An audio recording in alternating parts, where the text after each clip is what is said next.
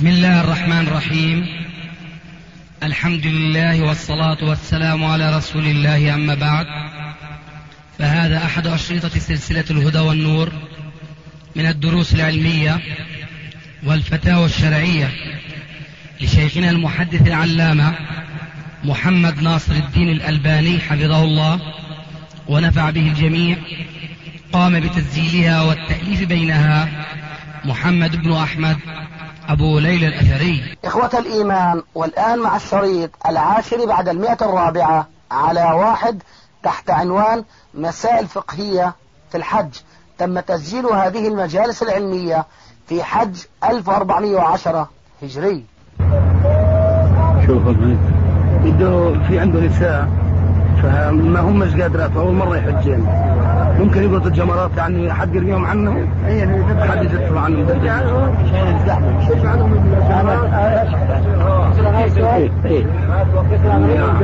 عجائز لا لا. لا بالله بنات. بنات نعم. ليه ما يرمون بأنفسهم؟ نعم. ليش ما يرمون هم؟ البنات ليش ما يقذفوهم البنات؟ شوي حتى تروح الزحمة. الوقت يعني. كنا نسأل هو يجدع عنهن بالليل أو بعد طلوع الشمس. يجدع الجمار من قبلهن هن هو يجب يجدع الجمار بالليل أو كما العادة. بعد منتصف الليلة. بعد ما انتصف الليل. يصنع رمي الجمار. الجمار. فاهم فاهم. رمي الجمار غدا. مش غدا؟ اي نعم. طيب. خليه يتأخروا مساء يروم نعم. أبغى يفهم هذا يعني. حتى ما يرمي قبل أنا بقول أحسن ما يوكلوا يتأخر بهمة ويرموا لما يكون الزحام انفك. يا أخي. نعم بارك الله فيك. يعني يقول لك نعم لا تخلوهم لا تروحوا في الصباح يعني وقت الزحام. نعم. إنما تأخر في المساء وخلي النساء ترموا يعني بالليل. بالليل, بالليل. يعني ياجب جائز جائز. ذلك من فضل الله. هذا. تروح وقت الزحام. إن هذا اللي نخص عنه أنا. إيه. يعني بالليل يجب بس يجد إحنا يجوز يجوز. ذلك من فضل الله. إنما مع العسر يسر الحمد لله. ذلك من فضل الله. هذا اللي نسعى عنه. والسلام عليكم ورحمة الله. وعليكم السلام ورحمة الله وبركاته. بارك الله يقول ابن عباس أمر أهله آه أن يذهب يرحل يرتحل أو كما قال ابن عباس رضي الله عنه أمر الرسول صلى الله عليه وسلم أهله بأن يرتحلوا من مزدلفة آه بعد منتصف الليل. وقلت أنت ونهى عن الرمي حتى تطلع الشمس. نعم. قرأت في حديث آخر من ابن عباس أيضا. وقال ورمينا وكنت ممن وكنت معهم قبل طلوع الشمس. هل يحضرك هذا النص؟ إن كان إن لا ما يحضرني لكن إن كان له وجود كما تتلفظ به نعم. فما أظنه يصح بعد صحة حديثه لا ترموا السلام عليكم. وعليكم السلام. وأكثر ما يحضرني الآن الذاكرة أنه في الشوكاني نيل الأوطار. مجلد خمسة ستة وبالأحرى خمسة. ليس له قيمة لأنه الشوكاني جماع حواش فكثيرا ما يعني بيجمع الروايات المتناقضة فيتيسر له أحيانا نقدها ونقله في الغالب لا يكون باجتهاد منه وإنما نقلا عن غيره. وما لم يجد من سبقه إلى نقد بعض الروايات التي ينقلها فهو يسكت عنها. أما الرواية الصحيحة في من روى قبل الفجر فهي رواية أم سلمة وهي في صحيح البخاري. أما ابن عباس نفسه شلون؟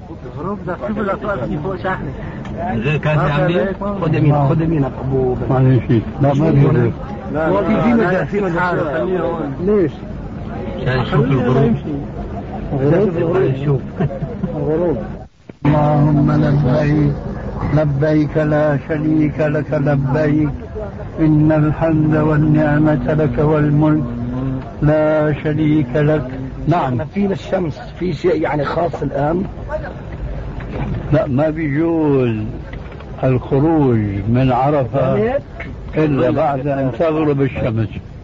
شو بيقول؟ هو قرب شوي عشان نصه في الشمس ونصه في الظل.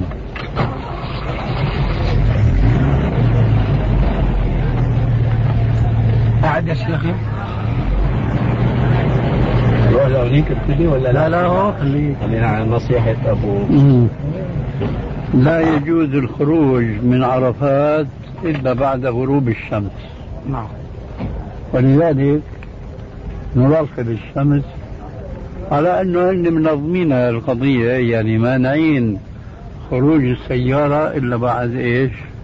أي سيارة كما تراهم إلا بعد غروب الشمس. يعني منظمينها. هذا حكم شرعي يشكرون عليه. لكن لا يشكرون حينما يطردون الناس من المزدلفة ويبيتون خارجها. المشكلة مو مو هذا القصد هو. معهم حق كمان في هذيك؟ لأن عم إذا سمحوا بالوقوف مطلقا حتحصل طرقات مزدلفة خلال يعني نصف ساعة انتسدت. لأنه جنب جنب جنب تلاقي ضاق الطريق ضاق الطريق صار بيمشي سيارة واحدة بس. وهل هل هالكميات هاي من السيارات اللي في عرفة حتوقف ف فهم إيش؟ يبغوا يملوها الأول في الأول فيخلوك تمشي يعبوا من آخر مزدلفة. بعدين بعدين بعدين بعدين لغايه لكن الخطوط هذه ليست فيها المصطلحات في مواد تعرفها؟ بلوت. شدة. شدة؟ بلوت عندنا. يسموها بلوت. اللي فيها صورة الخوري آه. والبنت. كيف؟ يسأل عن حكمها. طبعا لا يجوز. حكمها لا يجوز. حكمها التحريم ولا بس؟ تحريم لأنه أولا أولا هي لعبة كفار نعم. ثانيا فيها صور لحظة لحظة. هذا خالي ويبني قطعه لها على حكمه. إيش؟ يبني قطعها عن لعبها على حكمه. أهلا وعليكم السلام. في الجبيل اليوم شفته. نعم هذا السؤال. السؤال عن الورقة. لعبة البلوت إيش يقول هذا. سألناه عن ابنه وباركنا له في لحيته. ودعونا له أن يبارك الله له فيها أيضا.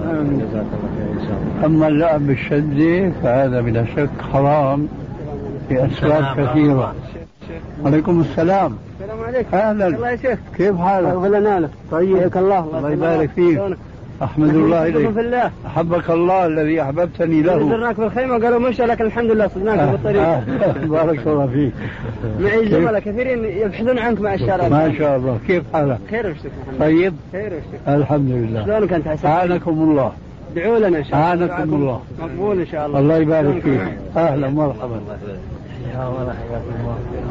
هذا ابنه. ما شاء الله. هذا صهره. ما شاء الله. حياكم الله. تشرفونا إن شاء الله بزياره القصيم آه، ما شاء الله. إن شاء الله. بعد هذا الحج. إن شاء الله. لا مرة أخرى بعد الحج. صعب جدا. لكن إن شاء الله في زيارة أخرى. دعاكم الله يبارك فيك. شكرا. نحبكم في الله لما نقرأ- الله. الله كلامكم جزاك. الله خير. نقرأ كثير من الشرك.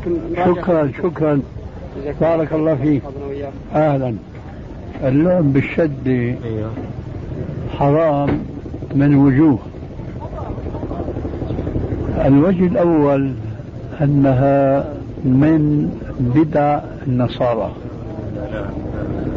ولعلك تعلم قول الرسول صلى الله عليه وسلم هدينا هدينا خالف هدي المشركين. وحديث ثاني من تشبه بقوم فهو منهم ال- الوجه الثاني أو السبب الثاني في التحريم هو أنه فيها صور. والصور إذا كانت في مكان لا تدخله الملائكة. لقوله صلى الله عليه وآله وسلم لا تدخل الملائكة بيتا فيه صورة أو كلب. وثالثا وأخيرا أن بعض الصور فيها تمثل النصرانية.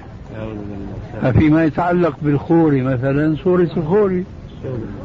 والخوري يمثل الإشراك بالله كما قال ربنا في القرآن لقد كفر الذين قالوا إن الله ثالث ثلاثة. وكذلك صورة البنت. وإن كانت هي صورة مثلا يدوية لكن تمثل صورة بنت كافرة. فلو أن سببا واحدا من هذه الأسباب ولم يكن هناك سبب آخر كان يكفي للمنع من اللعب بهذا الورق. فكيف وقد اجتمعت في اللعب بها هذه الأسباب كلها؟ لذلك ينبغي للمسلم أن ينتهي من اللعب بها يأتي أخيرا وإن كان هذا ليس شرطا أن يقع لكنه قد يقع.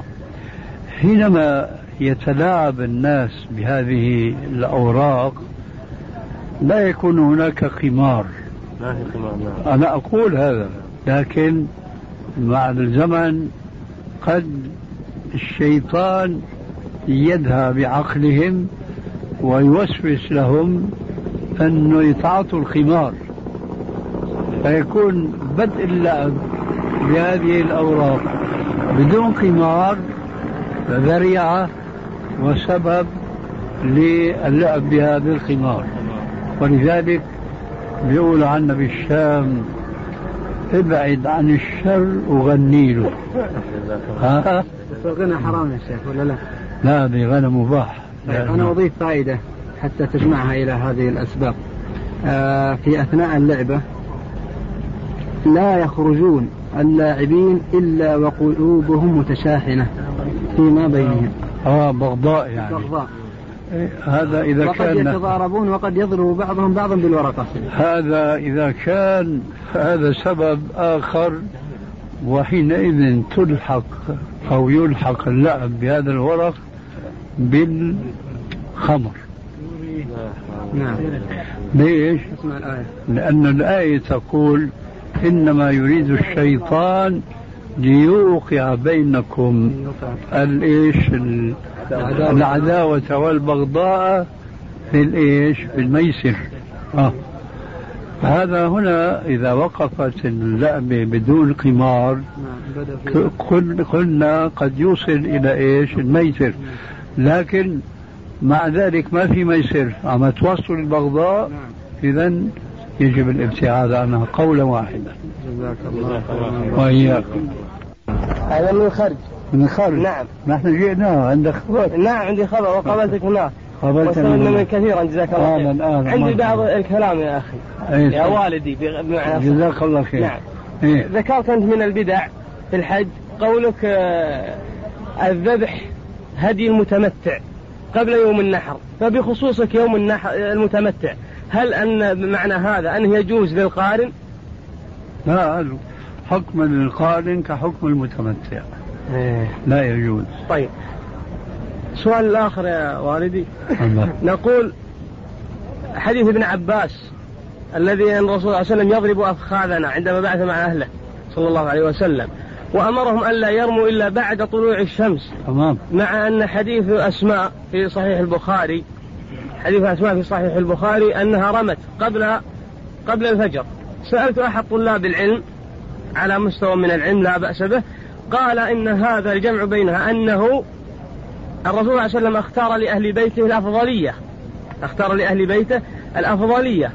وأما يجوز لمن بقي أن يرمي قبل الفجر. ومن هم أهل بيته عند هذا الطالب؟ مع أهل بيته؟ آه. ما أدري. ما أدري عنه.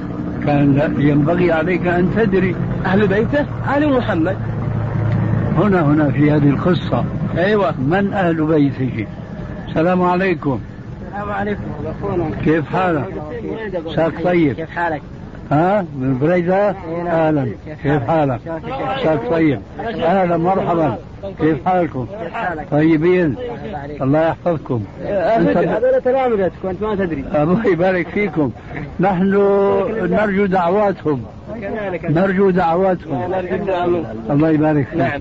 هو ما يقول لك إنه الرسول اختار الأحسن والأنفع لأهل بيته؟ بلى. أنا كأني أستشم من كلامه إيه أنه يعني حديث ابن عباس إيه نعم طيب فأم سلمة نعم أليست من أهل بيته؟ هل هي أم سلمة أو أسماء؟ آه أسماء عندما أسماء. سألت نعم مولاها أسماء. عبد الله نعم ال- التي التي سألت مولاها عبد الله هل غاب القمر؟ إيه هل غاب القمر مرتين؟ أسماء. أسماء نعم حسن الآن نقول حديث ابن عباس قول نعم. وتشريع ل- من الرسول عليه السلام عن رب العالمين لعامة المسلمين. ثم هو نهي لا ترموا. أما حديث أسماء فهو فعل منها وليس فيه ما يدل أن ذلك كان على علم من الرسول عليه الصلاة والسلام فضلا عن أن يكون بإذن من الرسول. واضح هذا الكلام؟ نعم. وحينئذ إذا تعارض حديثان أحدهما مرفوع من كلام الرسول أيوه. والآخر من قول بعض الصحابة أو من فعله.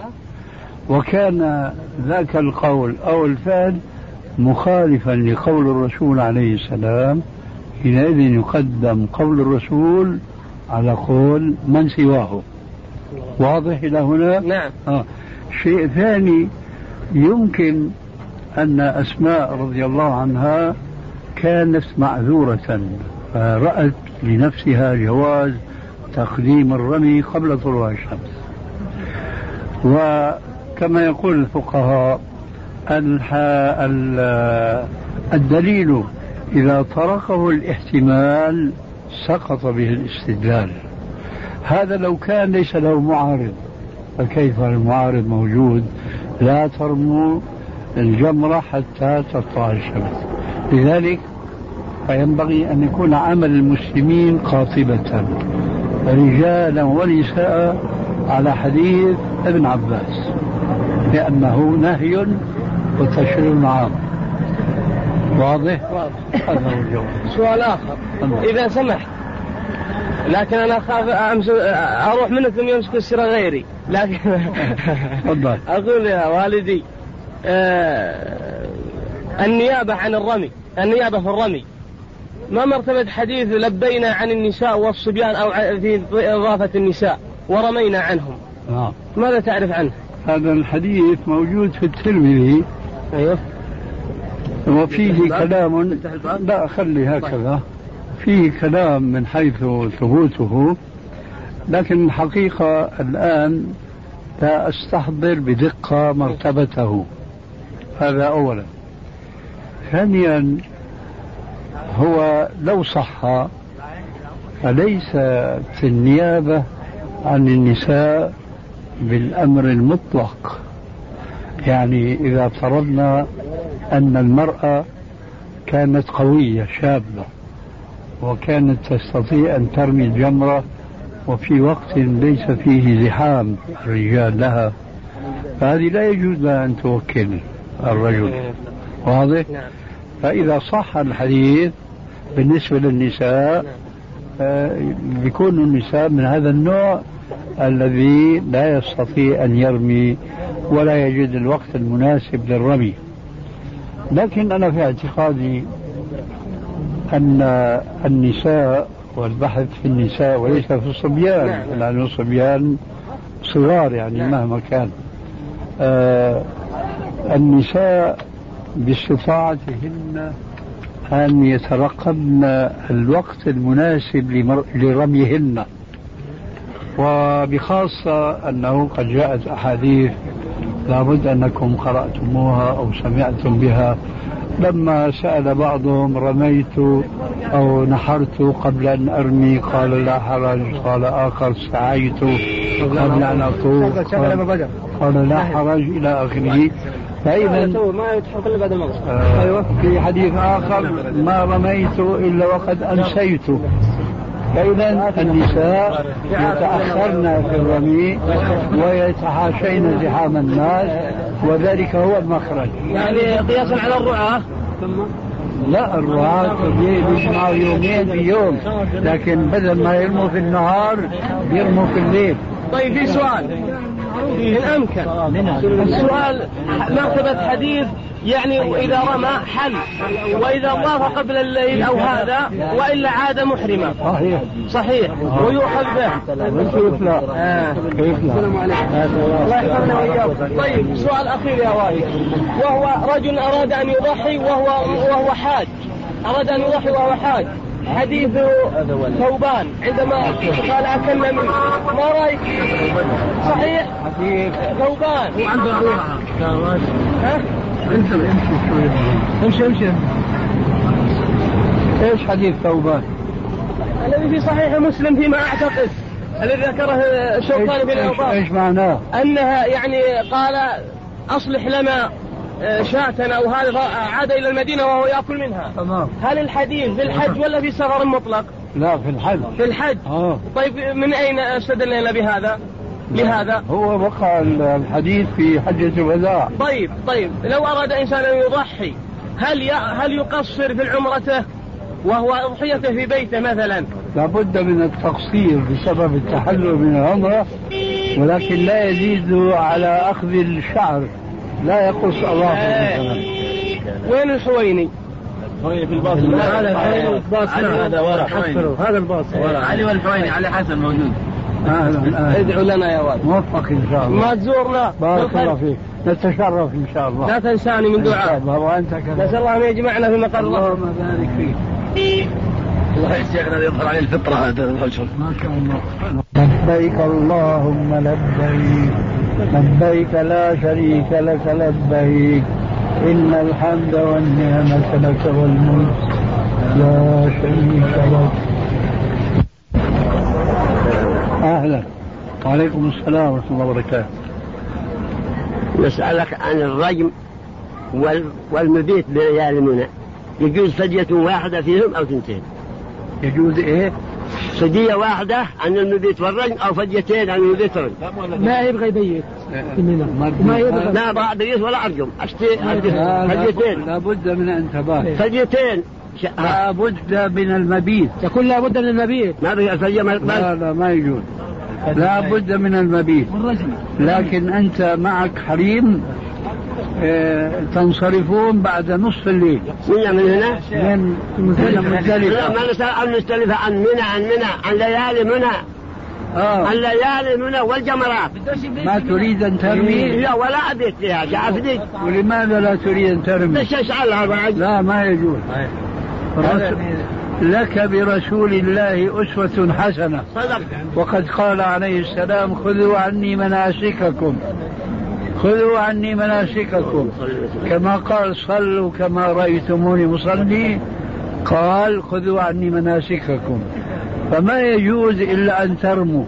لكن إذا كنتم تخشون الزحمة تفهم علي؟ آه. آه. تتأخرون ترمون مساء. يجوز مساء يجوز. أيوة. بالنساء؟ أيوة. وقبل الزوال ما يجوز لهم قبل قبل الزوال يجوز قبل النساء يرمون؟ يجوز بارك الله فيك لكن في زحمة. قبل الزوال لا يا اخذين الزوال. تكلم عن الرمي. فهمها من شيخ. قبل الزوال. قبل الزواج هو.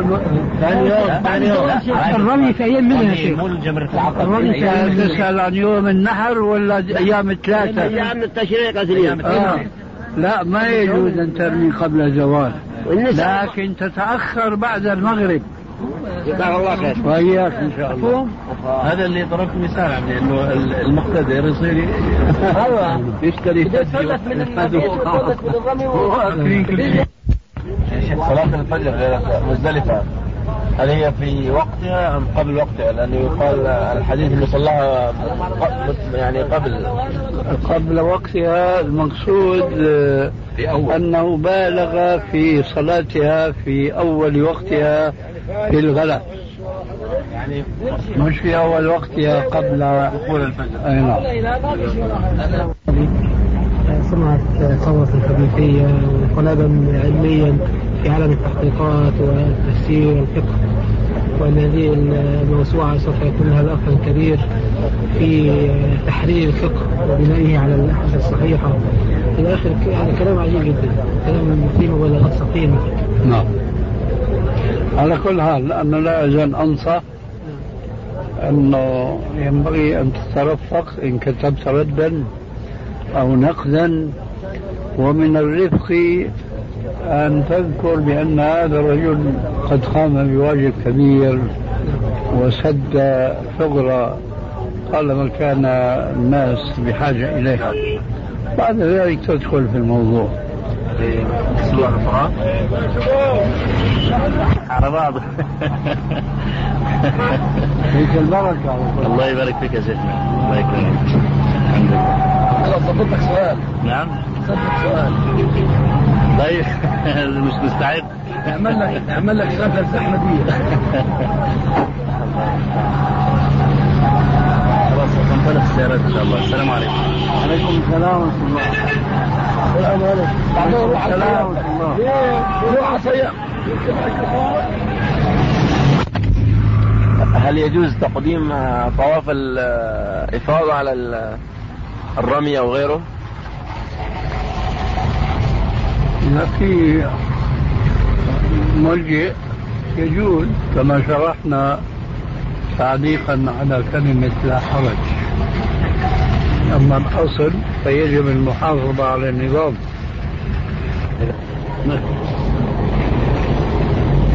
على قول راح نحج الإزار استعدادا للمعركة.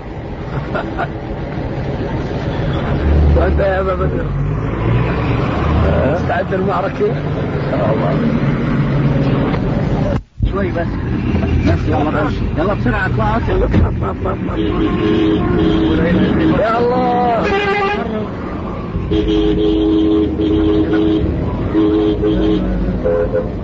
وقال خذوا عني مناسككم فلعلي لا ألقاكم بعد عامكم هذا. وانتقل إلى الرفيق الأعلى صلى الله عليه وآله وسلم بعد أن اكتمل على يديه للأمة دينها وأتم الله نعمته عليها ورضي لها الإسلام دينا قيما وضعت أسسه على هدى من الله ولم تزل صالحة لكل زمان ومكان.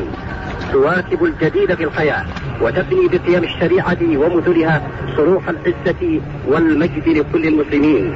أيها الإخوة في خضم هذا الفيض الروحي النوراني اللهم لبيك لبيك لا شريك لك لبيك. إن أمام عظمة المناسبة. لبيك. اللهم لبيك. لبيك. لا شريك لك لبيك. إن الحمد والنعمة لك والملك. لا شريك لك. والميكروفون الآن ينتقل إلى زميل جميل الفهمي من إذاعة البرنامج الثاني. بسم الله الرحمن الرحيم. أيها الإخوة المستمعون السلام عليكم ورحمة الله وبركاته. من الصعيد الطاهر صعيد عرفات الله نحييكم بتحية الإسلام. ونحن ننقل إلى مسامعكم نصرة ضيوف الرحمن إلى مزدلفة بعد أن من الله سبحانه وتعالى عليهم بفضل الوقوف في عرفات. حيث الحج عرفة كما يقول رسول الله صلى الله عليه وسلم. لبيك اللهم وفي مسلكهم هذا يحاولون قطع الاستقامة إن الحمد والنعمة الله صلى الله عليه وسلم لبيك اللهم لبيك. خاصة في هذا الوقت المعلوم الحمد المحدود فنرجو من الله أن يقبل حجنا جميعا وأن يثيبنا عليه بما هو أهل له من الكرم والإحسان وأن يغفر لنا ويستجيب دعاءنا. من أجل إعلاء كلمته ونصر عباده المؤمنين في كل مكان. إنه قادر مستجيب. اللهم لبيك. خاصة في هذا الوقت المعلوم الحمد المحدود فنرجو من الله لك. أن يقبل حجنا جميعا وأن يثيبنا عليه بما هو أهل له من الكرم والإحسان. وأن يغفر لنا ويستجيب دعاءنا من أجل إعلاء كلمته ونصر عباده المؤمنين في كل مكان. إنه قادر مستجيب. وأن يبلغ من لم يستطع في هذا العام الحج مطلبه في العام القادم.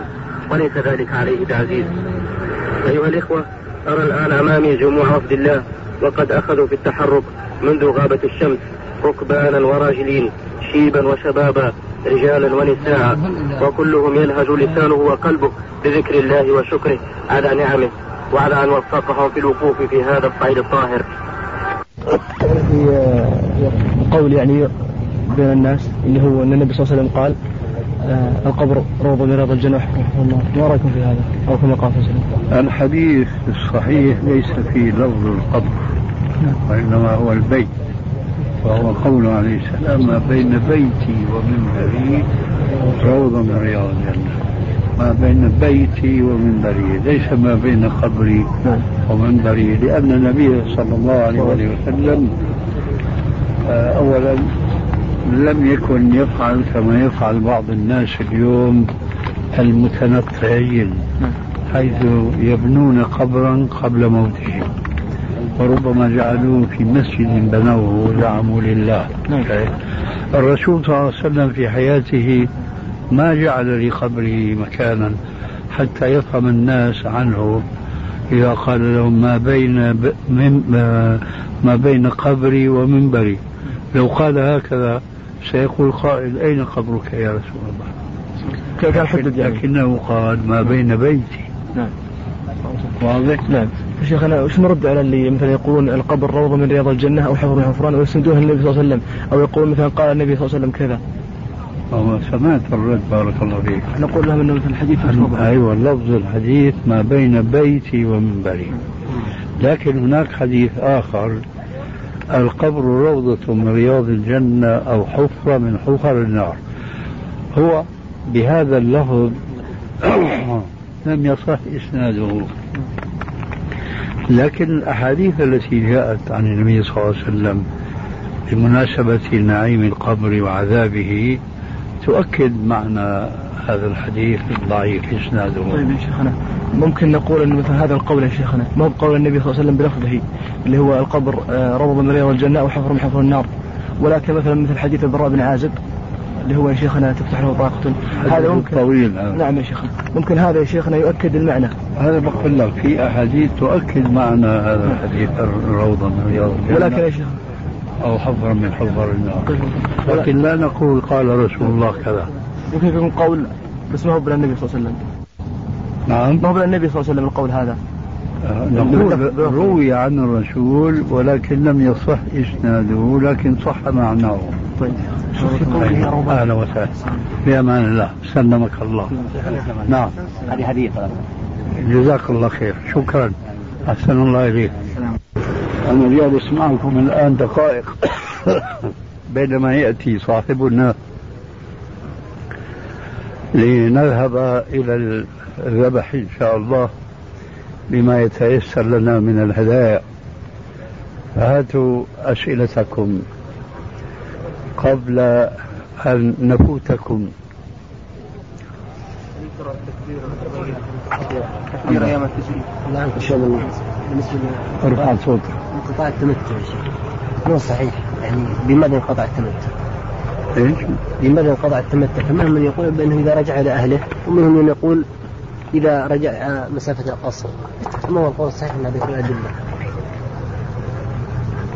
ما فهمت عليك كثيرا ما تقول بما ينقطع ماذا؟ التمتع التمتع؟ نعم ما ينقطع التمتع التمتع هو التحلل. فإذا تحلل الإنسان جاز له كل شيء مما أباحه الله عز وجل. فسواء بقي حيث هو أو خرج إلى بلد آخر خارج الحرم فلا يقطعه شيء ما دام أن العمرة كانت في شهر من أشهر الحج. أجبتك عن سؤالك؟ يعني سقوط الهدي عنه. نعم. أقصد سقوط الهدي عنه. ما يسقط في الهدي عنه مطلقا. ما يسقط في الهدي عنه. الهدي ما يسقط عنه كيف يسقط؟ لكن هو الواجب عليه أن يهدي في يوم من أيام التشريق. يعني السؤال ما واضح الآن من يقول إذا أتى الإنسان متمتعا بالعمرة إلى الحج أشهر الحج ثم أخذ عمرته وأراد أن يرجع إلى أهله فمنهم من قال إذا رجع إلى أهله فإنه, يسقط فإنه لا هدي عليه. ومنهم من قال إذا رجع مسافة قصر لا هدي عليه. ما الذي أسقط الهدي يا أخي؟ أنا عارف أنا أجبتك. الهدي لا يسقط. لكن إذا قال قائل الهدي سقط عن هذا الذي خرج وعاد إلى بلده. ما الذي أسقطه؟ إنما هو الرأي. ولا دليل على ذلك.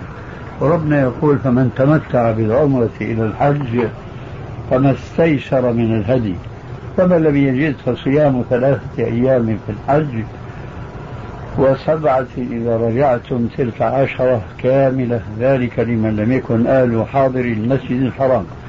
فهذا الذي تسأل عنه إما أن يكون تيسر له الهدي أو لم يتيسر له. فإن تيسر تعلقت بذمته وإن لم يتيسر فثلاث أيام في الحج وسبعة إذا رجع. هذا الحكم ثابت ما نسخه شيء. ولا يجوز التقدم على نص الله ورسوله بمجرد الرأي. تفضل. هل يقيد التكبير في أيام التشريق فيما بعد الصلوات؟ لا لا لا يقيد بل تقييده من البدع. إنما التكبير بكل وقت من أيام التشريق. وأيام العشر؟ وأيام العشر كذلك.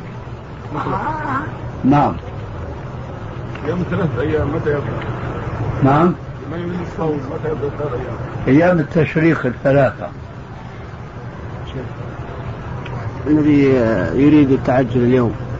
ثم خرج قبل غروب الشمس. ثم رجع يعني خرج إلى العدل أو خرج منها. ثم رجع بعد غروب الشمس للرمي. في شيء هذا يا شيخ؟ يجب أن يتأخر ولا يتعجل. نعم. هل في كتاب التوحيد للشيخ ابن عبد الوهاب حديث ضعيف؟ وهو ليس بصحيح البخاري بعضهم ففيه آه بعضهم ماذا؟ يقول أنه ليس فيه حديث ضعيف فاحببنا أن نسمع منكم الجواب. آه أنا لا أستطيع الآن أن أجزم بهذا بالجواب سلبا أو ايجابا لكني أتردد في حديث فإن كنت تذكره هل هو في كتاب التوحيد أم في شرح من شروحه؟ وهو حديث الذبابة. هل هو في المتن أم في الشرح؟ في المتن. فإذا صدق من قال ليس هو بصحيح البخاري. حديث الذبابة لا يصح رفعه إلى النبي صلى الله عليه وآله وسلم وإن كان هو نقله من كتاب ابن القيم رحمه الله وابن القيم ذكره آه، ولم يتكلم عن إسناده ولما بحثنا عنه وجدناه حديثا موقوفا على سلمان الفارسي وإسناده إليه صحيح ولكنه موقوف.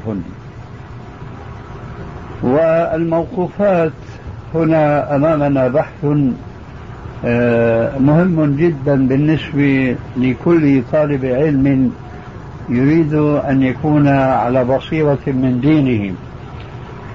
الأحاديث الموقوفة تارة لها حكم الرفع وتارة ليس لها هذا الحكم. أما الحالة الأولى أي متى يكون للحديث الموقوف حكم الرفع؟ شرطان لابد منهما أن يجتمعا وأحدهما شرط في كل حديث وهو الثبوت. فإذا ثبت حديث ما عن صحابي ما موقوفا عليه وجب الشرط الثاني ألا وهو أن يكون مما لا يقال بمجرد الرأي والاجتهاد والاستنباط وإنما يقطع الواقف على معناه أنه لا بد أن يكون بتوقيف من رسول الله صلى الله عليه وآله وسلم الذي كان هذا الصحابي مصاحبا له. فإذا وجد هذان الشرطان الثبوت أولا وأن يكون معناه مما لا يقال بالاجتهاد والرأي والاستنباط ثانيا فهو في حكم المرفوع. ومن الأمثلة على ذلك حديث أحلت لنا ميتتان ودمان الحوت والجراد والكبد والطحال. هذا الحديث جاء عن ابن عمر رضي الله عنه مرفوعا ولكن إسناده ضعيف. ولو كان حديثا عاديا لم تقم به الحجة لما ذكرت من ضعف سنده. لكن هذا الحديث قد جاء بإسناد قوي موقوفا على ابن عمر. حينئذ لو صرفنا النظر عن السند الأول المرفوع عن ابن عمر عن رسول الله صلى الله عليه وسلم. لو صرفنا النظر عنه بالكلية ووقفنا عند حديثه الموقوف الثابت عنه لم نخسر شيئا لأن هذا الحديث الموقوف على ابن عمر يغنينا عن ذاك الحديث المرفوع الضعيف إسناده. كيف كان هذا الحديث الموقوف في حكم المرفوع؟ لأنه يقول أحلت لنا ميتتان ودمان فمن الذي يحلل ويحرم؟ إنما هو الله تبارك وتعالى تارة في كتابه وتارة في سنة نبيه صلى الله عليه وآله وسلم. وعلى ذلك قال أهل العلم بالحديث إذا قال الصحابي من السنة كذا فهو في حكم المرفوع. بخلاف ما إذا قال التابعي من السنة كذا فليس له حكم المرفوع هذا مثال للحديث الموقوف الذي هو في حكم المرفوع وصدق فيه أنه لا يقال بمجرد الرأي والاجتهاد. مثال آخر وهو أدق وأبعد عن أن يكون من موارد الاجتهاد. ذاك هو حديث ابن عباس الموقوف أيضا عليه والذي قال نزل القرآن إلى بيت العزة في سماء الدنيا جملة واحدة ثم نزل أنجما حسب الحوادث. فهذا حديث موقوف ولم نجده مرفوعا إطلاقا. جاء بالسند الصحيح عن ابن عباس موقوفا عليه فقال العلماء إن هذا الحديث في حكم المرفوع لماذا؟ لأنه يتحدث عن أمر غيبي وهو أنه يقول نزل كلام الله القرآن الكريم نزل جملة واحدة إلى سماء الدنيا. وهذا لا يستطيع العقل البشري أن يتحدث به إلا من إنسان لا يبالي ما يخرج من فيه. أما ابن عباس وهو صحابي جليل ابن صحابي ابن عم الرسول صلى الله عليه وسلم فلا يخطر في بال إنسان أن يتحدث رجما بالغيب. فإذا قوله أن القرآن نزل جملة واحدة إلى آخر الحديث وفيه من الدقائق ما يبعد أن يكون هذا الحديث قد قاله بالرأي فيقول مثلا بعد أن ذكر نزل جملة واحدة إلى بيت العزة. إيش هذا بيت العزة؟ وهل يستطيع الإنسان أن يعين مكانا؟ في السماء ويسميه باسم من عنده. هذا أبعد أن يكون عن أن يكون قد حصل من رأي الصحابي. ثم هو يعين مكان بيت العزة. هذا في السماء لا يقول لا السابعة ولا ولا وإنما يقول سماء الدنيا. فإذا هذا حديث موقوف في حكم المرفوع. إذا عرفنا هذين المثالين فكان ذلك تمهيدا للوصول إلى الحكم على حديث الذباب. دخل رجل النار في ذبابة. هل هذا وقد صح إسناده عن سلمان الفارسي موقوفا؟ هل هو في حكم المرفوع؟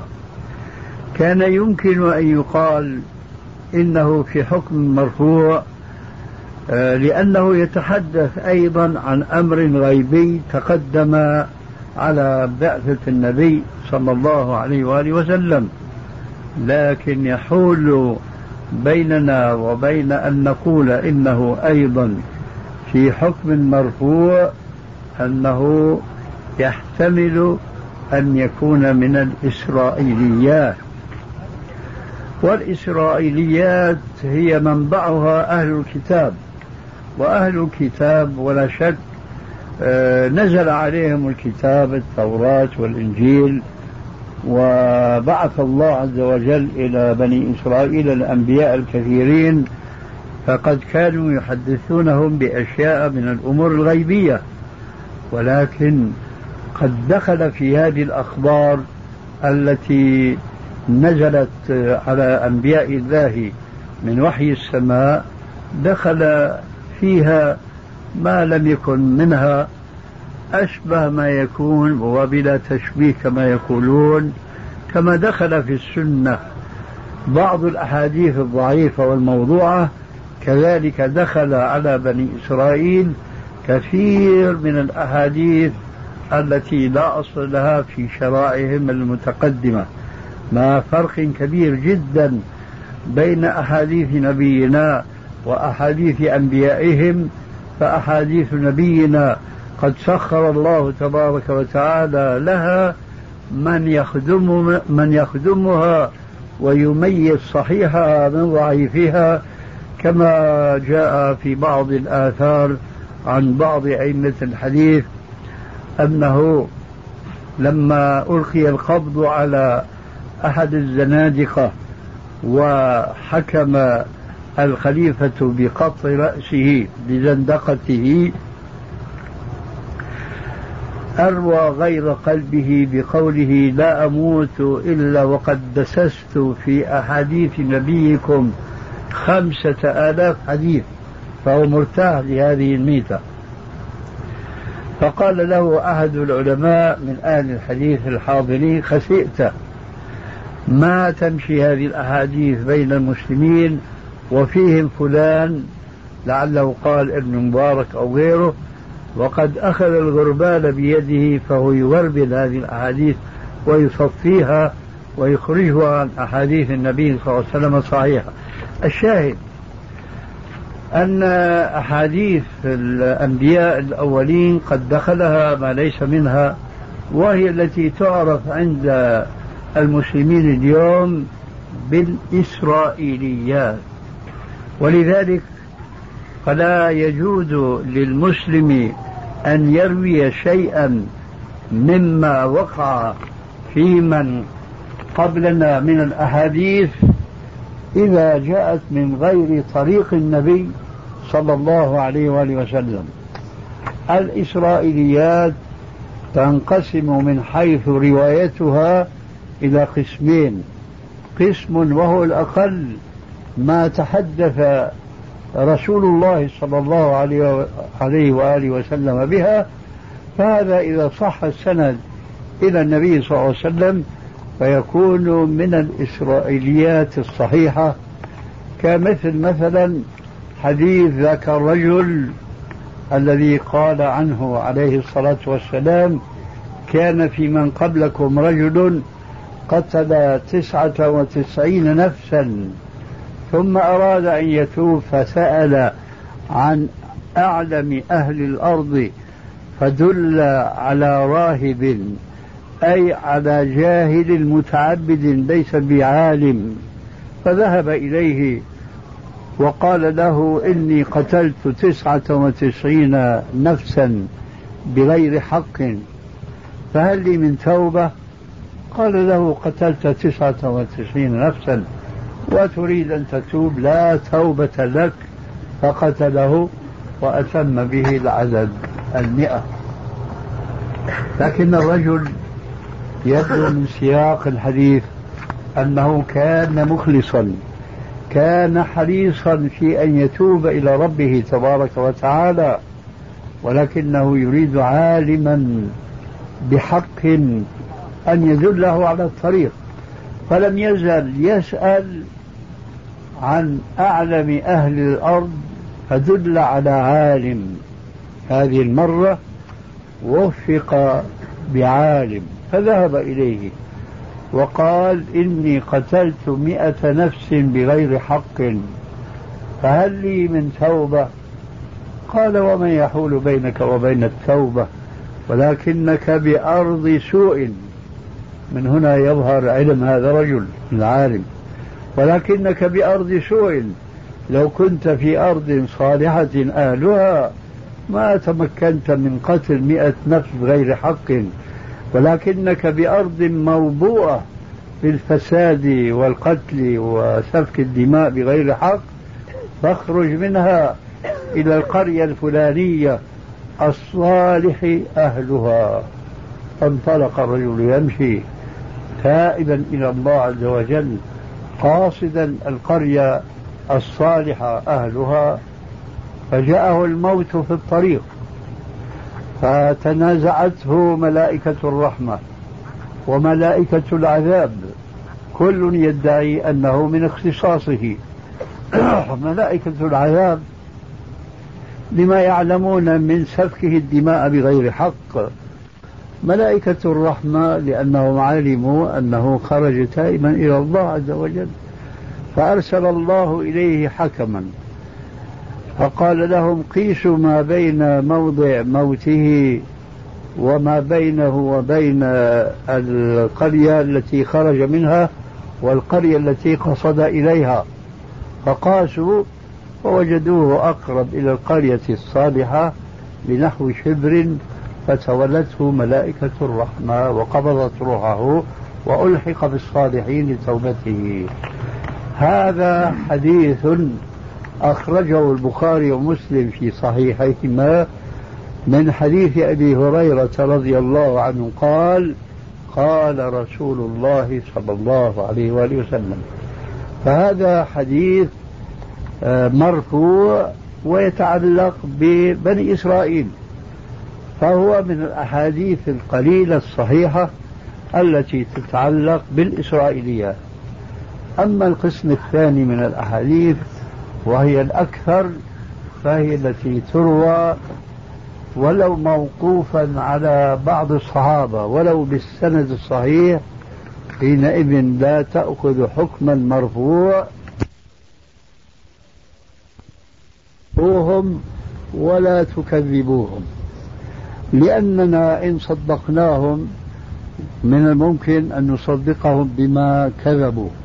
وإن كذبناهم يمكن أن نكذبهم فيما توارثوه عن أنبيائهم.